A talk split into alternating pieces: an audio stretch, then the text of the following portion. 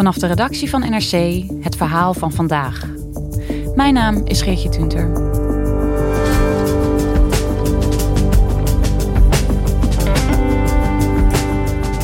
Al een week volgen de nieuwsberichten over het oplaaiende geweld in Israël elkaar op. Er zijn demonstraties en gevechten tussen politie en inwoners en er vallen doden bij raketaanvallen en bombardementen. Correspondent Jannie Schipper reist door Israël om verslag te doen en ziet een land dat misschien wel verdeelder is dan ooit. Waarom slaat juist nu de vlam in de pan?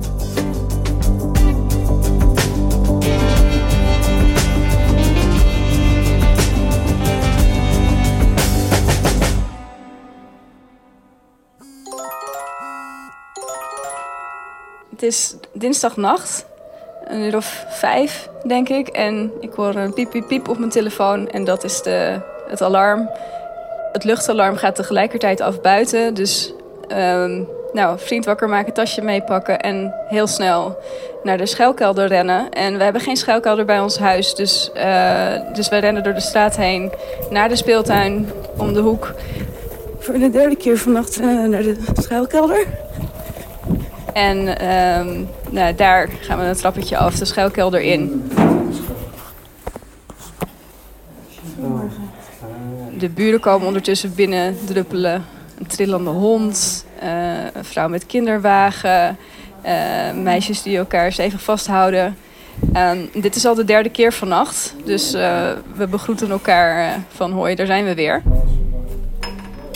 Kan je eens schetsen hoe, hoe ziet zo'n kelder eruit?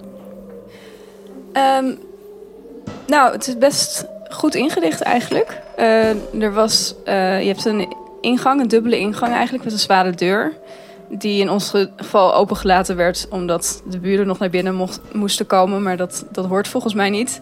En dan een, een, zeg maar een voorportaal, een kamertje erachter en nog een trap verder naar beneden. Waar eigenlijk de meeste mensen gingen zitten. En daar was een hele volledig ingerichte synagoge gek genoeg. Uh, maar die synagoge werd ook als slaapruimte gebruikt. Dus er, uh, uh, toen het een paar keer gebeurde, gingen daar ook kindertjes met dekentjes op de grond liggen en zo. Er was water, wc's. Dus eigenlijk best een goede ruimte om een paar uur te verblijven. Ik bedoel, niet een favoriete ruimte, maar wel, wel goed ingericht. Dat was dinsdagnacht. En woensdagnacht was er weer één keer luchtalarm. Dus dat beschouwen we dan als weinig. Toen hebben we redelijk goed kunnen slapen. Dinsdag is er van slapen niet heel veel meer gekomen.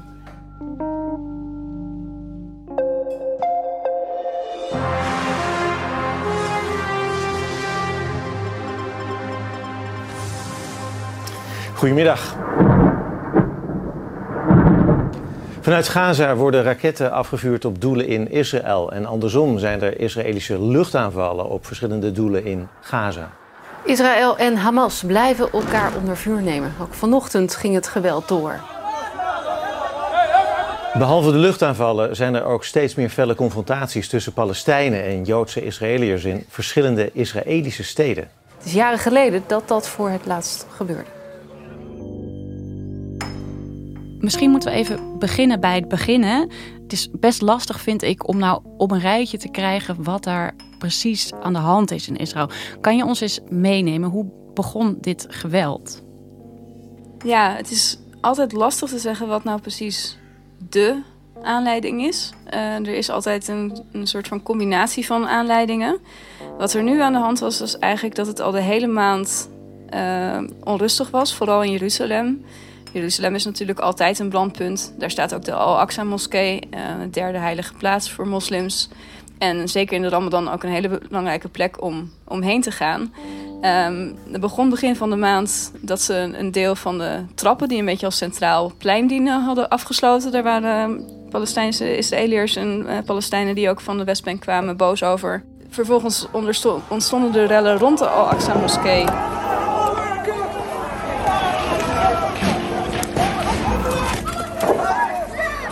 Waarbij ook in de Al-Aqsa-moskee bijvoorbeeld traangasgranaten werden um, gegooid en waar politieagenten ja, rondstampten op het terrein.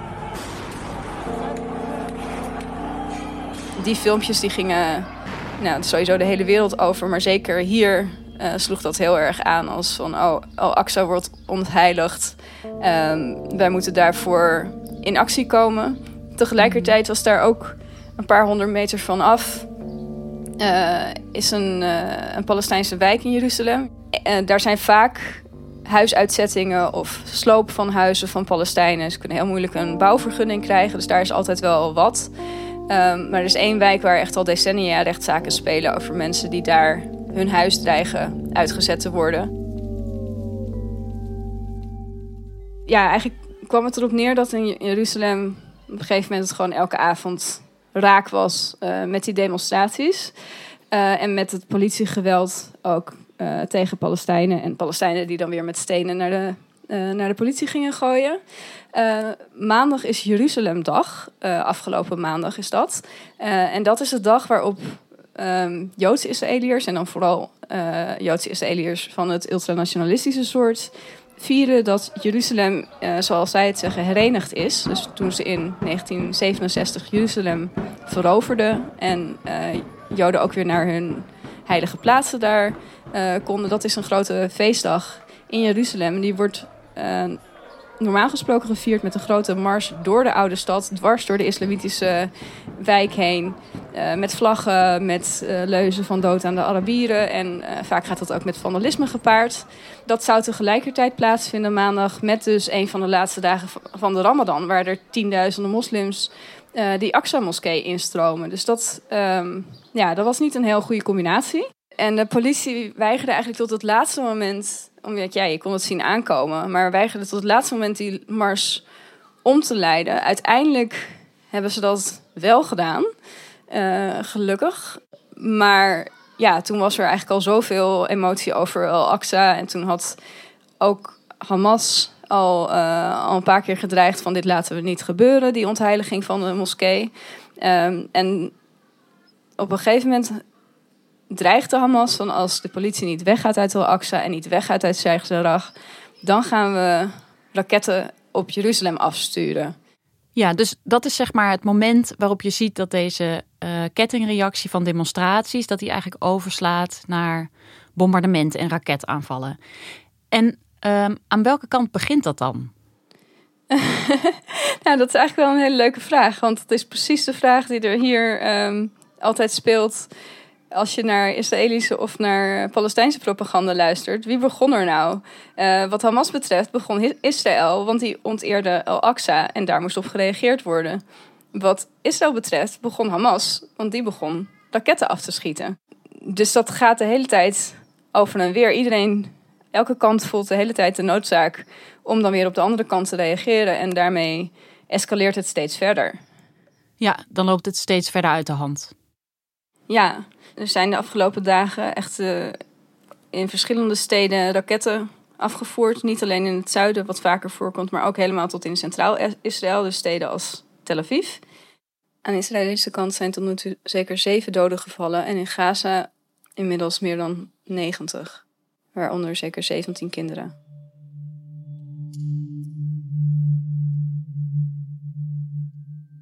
Jannie, uh, jij bent ja, nu dus in Israël. En ik kan me voorstellen dat het een heel bedreigende situatie is. Maar je bent natuurlijk ook gewoon aan het werk. Hoe zag jouw afgelopen week eruit?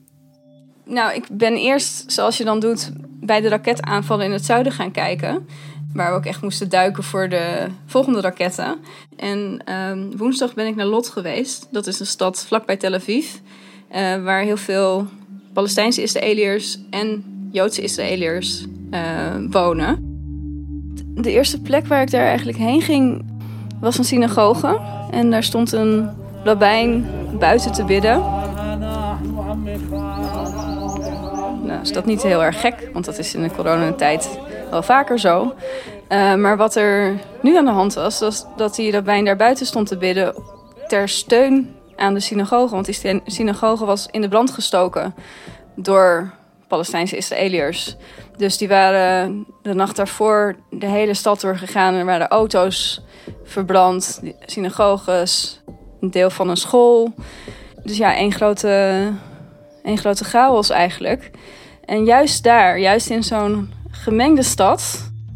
Ja, mensen zeiden ook van, ja, mijn buurman, die ik gewoon vriendelijk groette, uh, waar we wel eens een maaltijd mee deelden. Uh, zijn kinderen staan nu op straat stenen naar mijn huis te gooien. Uh, en mijn andere buurman, die is net als ik gevlucht omdat hij geen idee heeft wat er hier gaat gebeuren en hoe ver dit uit de hand gaat lopen. Dus ook in zo'n uh, zo'n stad als, als Lot, waar jij dan geweest bent, waar, waar Palestijnen en Israëli's eigenlijk vreedzaam naast elkaar leeft, daar is ook ja, lont in het kruidvat gestoken. Daar is het compleet geëscaleerd en wijst iedereen, zoals jij zegt, uh, zoals wel vaker gebeurt in Israël, die twee kampen wijzen na, naar elkaar. Ja, ja, ze zeggen. Nou ja, de een zegt dat de ander begint en de ander zegt dat de een begint. Ja, ik was in Lot natuurlijk aan het rondlopen en met mensen aan het praten. En toen ving ik ook een heftige discussie op tussen Palestijnen en uh, Joodse Israëliërs. Van jij begon en jij begon.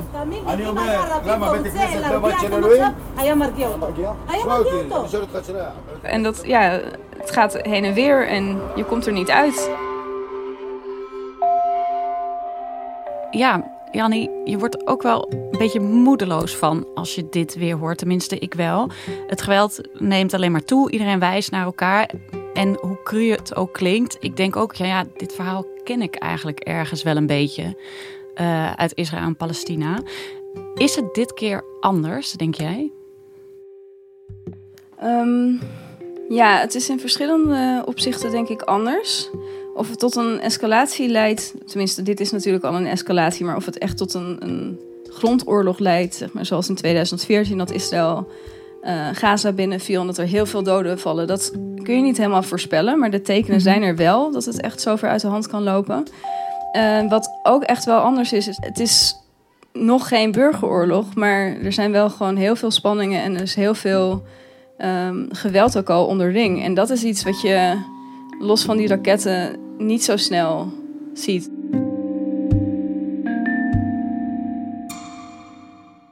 Ja, en hoe kan dat? Dat het dit keer zo hard tegenover elkaar staat? Is daar, zijn er aanwijsbare redenen voor?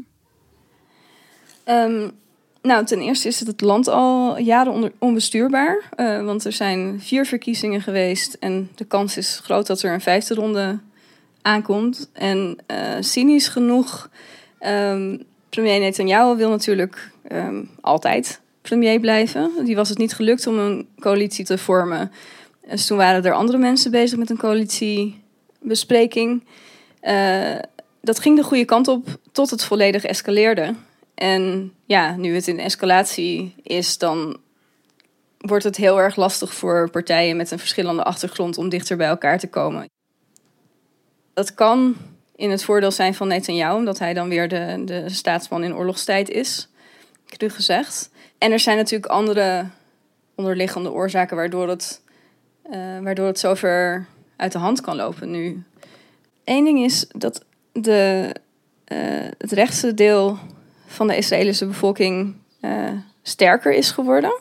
Sowieso in het algemeen dat het rechtser is geworden, maar ook dat het extreem rechtse deel meer vrijheid en meer legitimiteit heeft gekregen in de afgelopen jaren eigenlijk. Dat was natuurlijk iets wat de Amerikaanse president Trump niet ontmoedigde. En uh, waar je nu ook ziet dat Biden weliswaar niet een Trump is, maar ook niet heel hard zich de andere kant op uitspreekt. Dus die voelen een bepaalde mhm. vrijheid die ook, nou ja, ook in de praktijk met ruimte innemen. Dus nederzettingen bouwen of, of huizen innemen gepaard gaat. Dat zie je ook in Lot, in Jaffa, in Akko, overal waar Joden en Arabieren zijn eigenlijk, of samenleven in een stad. Dat Arabieren zich al dan niet terecht weggedrukt voelen op allerlei niveaus. En nu komt dat dan heel symbolisch tot uiting in, uh, in de Aqsa-moskee en, uh, en in Jeruzalem. Maar die frustraties zitten er gewoon al langer. Dus het is ook niet zo, hè, als je kijkt naar de situatie nu, dat je zomaar kan zeggen: Nou, we gaan even met z'n allen om tafel zitten en dan komen we er wel uit. Ja, de eerste vraag is wie er met wie aan tafel moet gaan zitten. Want uh, nou ja, Israël heeft wel een regering op dit moment, maar die is dus half functioneel. En aan de Palestijnse kant, uh, de Palestijnse autoriteit heeft veel legitimiteit verloren. Uh, dan heb je Hamas, maar die praat liever met wapens. Dus die zullen misschien uiteindelijk wel weer gaan onderhandelen. want ja, uiteindelijk moet het een keer stoppen. Maar op dit moment lijken ze daar nog niet heel veel zin in te hebben. En wat zou de rol van de internationale gemeenschap nog kunnen zijn? Om die verzamelterm maar eens te noemen. Misschien beginnen bij Amerika, want je had het net al over uh, de koers die Trump heeft ingezet. Um, die echt pro-Israëlisch te noemen is, denk ik wel. Ja, wat kunnen we van Biden verwachten? Van Biden kunnen we tot nu toe niet heel veel verwachten. Die um, is minder hard pro-Israëlisch dan, uh, dan Trump. Die heeft zich ook al wel weer uitgesproken voor meer steun voor de Palestijnen en zo. Uh, maar die houdt een beetje de voor Trump uh, bestaande lijn vast van ja, jullie moeten je allemaal een beetje inhouden. Het regent natuurlijk van alle kanten veroordelingen, ook van de VN en van de EU en van, uh, van beide ook wel. Ze zijn er wel mee bezig. Het, zou te veel zijn om te zeggen dat ze het helemaal aan zich voorbij laten gaan. Um, maar nou ja, ze doen niet heel veel. Daar komt natuurlijk nog bij dat ook van de Arabische landen heel weinig verwacht kan worden. Want Israël die heeft uh, akkoorden gesloten met een aantal Arabische landen. En die zitten ook helemaal niet te wachten om zich nu weer heel erg met de Palestijnen te gaan bezighouden. Ze kunnen het niet helemaal negeren, maar ja, ze willen eigenlijk gewoon een uh, leuke relatie met Israël opbouwen. Dus de Palestijnen hebben eigenlijk het idee dat ze door iedereen in de steek worden gelaten. Ja, uh, ja misschien is dat ook wel zo.